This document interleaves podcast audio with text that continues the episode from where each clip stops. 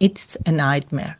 And I think the population have learned that the economics evolution and our quality of life are deeply connected.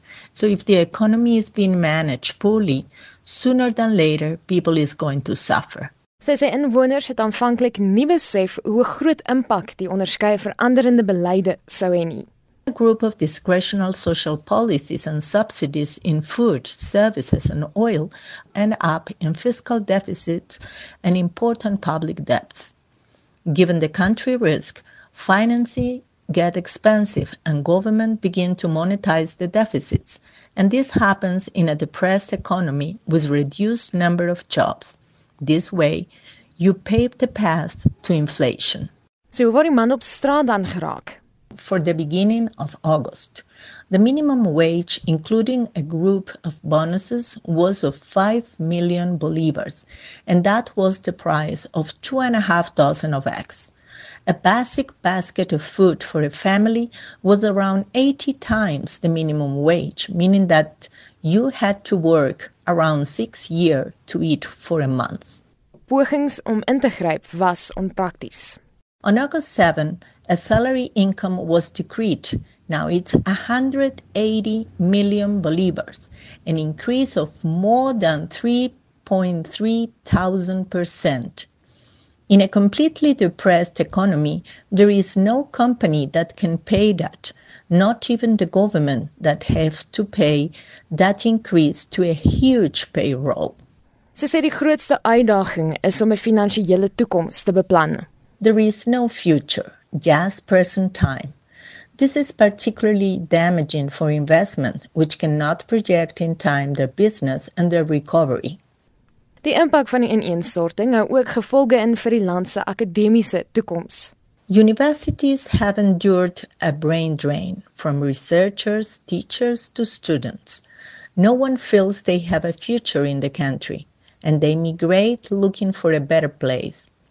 At the beginning, the migration was of professionals. Now, migration shows a completely diversified picture from every part of the country, all ages, and any economic level.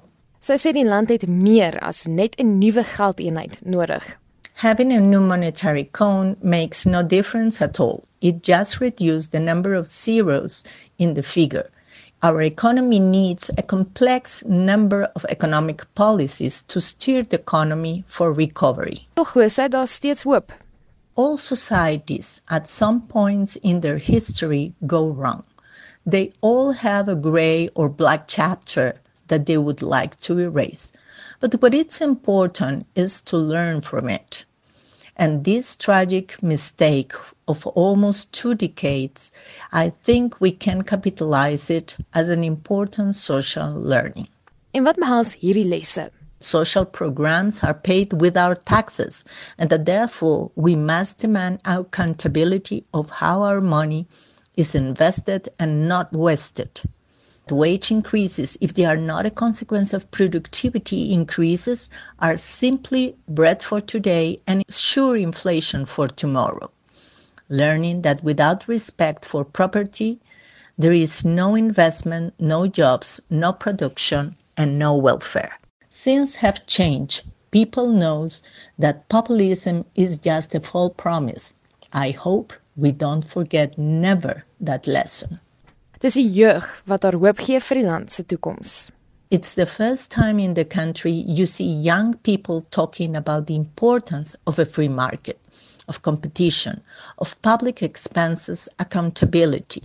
They fight fiercely all ideas of controlling, of subsidies, of wage increase by decree. This young generation have learned what the false promises of socialism gives. Dit was 'n professor aan die Sentrale Universiteit van Venezuela en 'n direkteur van die Nasionale Akademie van Ekonomiese Wetenskappe die land, Sari Levi-Carcente. Ek is Marlene Forsie vir SAK nuus.